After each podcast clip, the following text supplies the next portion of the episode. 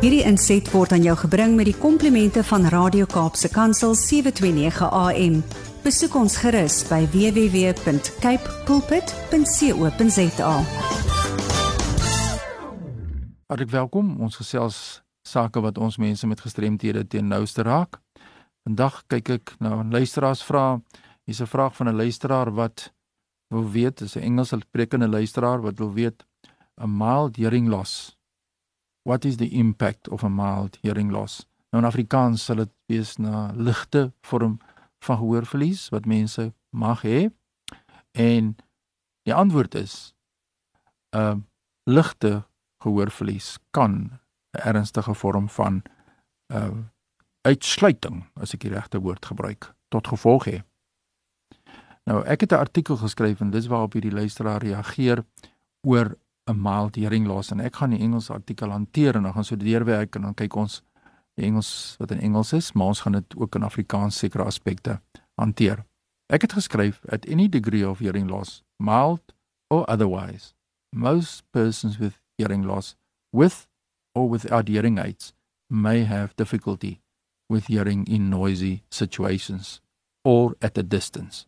Nou hier's 'n baie belangrike punt wat ek hier probeer maak is dat enige graad van verlies van ligte graad tot erge graad van verlies en doofheid het 'n uitdaging. Maar nou die wanpersepsie is dat almal met gehoorverlies dra gehoorapparaat en dit is inderdaad nie so nie. Die meerderheid mense wat gehoorverlies ervaar, dra nie gehoorapparaat nie. En daardie mense almal met of as jy 'n gehoorapparaat het of nie die uitdagings in agtergrond waar 'n agtergrond geraas is of wanneer mense ver, ver van jou staan het 'n uitdaging. Nou ek het natuurlik groot uitdagings in winkelsentrums byvoorbeeld. Die eerste instansie is daar agtergrondgelawaai. Daar's groot agtergrondgeraas. Die tweede is dat die persone staan te ver van jou van die bank, byvoorbeeld dan nog 'n masker op en jy kan nie mooi hoor nie en dis waar die uitdagings kom. So 'n persoon met 'n ligte graad van hoorverlies het wel inderdaad uitdagings. Want jy kan dink dat 'n ligte graad van gehoorverlies kan maar geïgnoreer word. Dit is inderdaad nie so nie. Wat baie belangrik ook is is jy 'n ligte graad van gehoorverlies ervaar, dan is klanke nie noodwendig hard nie hard genoeg nie, maar dit is ook nie duidelik genoeg nie. Want onthou, jy en ek hoor met sekere frekwensies wat jy hoor. Nou toe ek geskryf in hierdie artikel, if you have a mild hearing loss, speech consonants like f and th and k and p may be lost during a conversation die hoë frekwensie klanke, die f en die t, daardie klanke verloor jy gewoonlik eerste. Dit beteken dat jy kan nie onderskei tref tussen sekere woorde nie. Toe ek die twee woorde hier gebruik in die artikel wat ek geskryf het, jy kan dan nie die onderskei tref tussen die woord byvoorbeeld deaf en deaf. En daar's 'n groot verskil tussen iemand wat doof is en iemand wat dood is.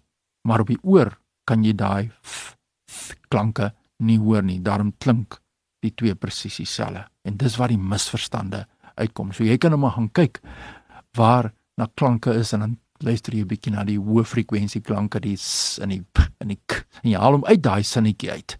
Dan sien jy hoe misleidend dit kan wees. Hoeveel uh daar misverstande kan ontstaan.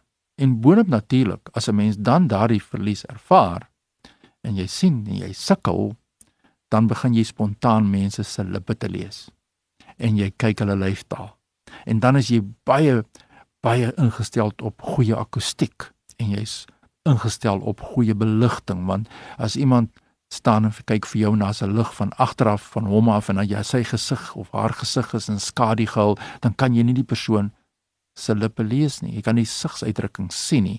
En natuurlik die agtergrond lawaai is natuurlik 'n groot groot uitdaging.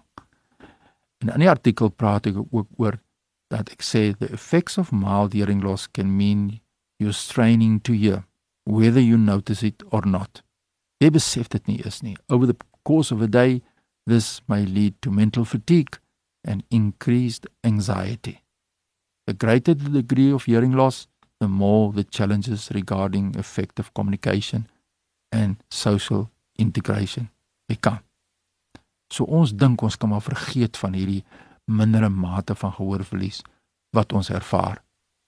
En dit is gevaarlik want jy sonder dat jy dit besef in ek word moeg in die dag. Ons raak geïrriteerd en dit het 'n groot invloed op ons sosiale interaksie met ander mense. So wat is my boodskap? En ook op hierdie vraag. Moenie 'n ligte matige gehoorverlies ignoreer nie.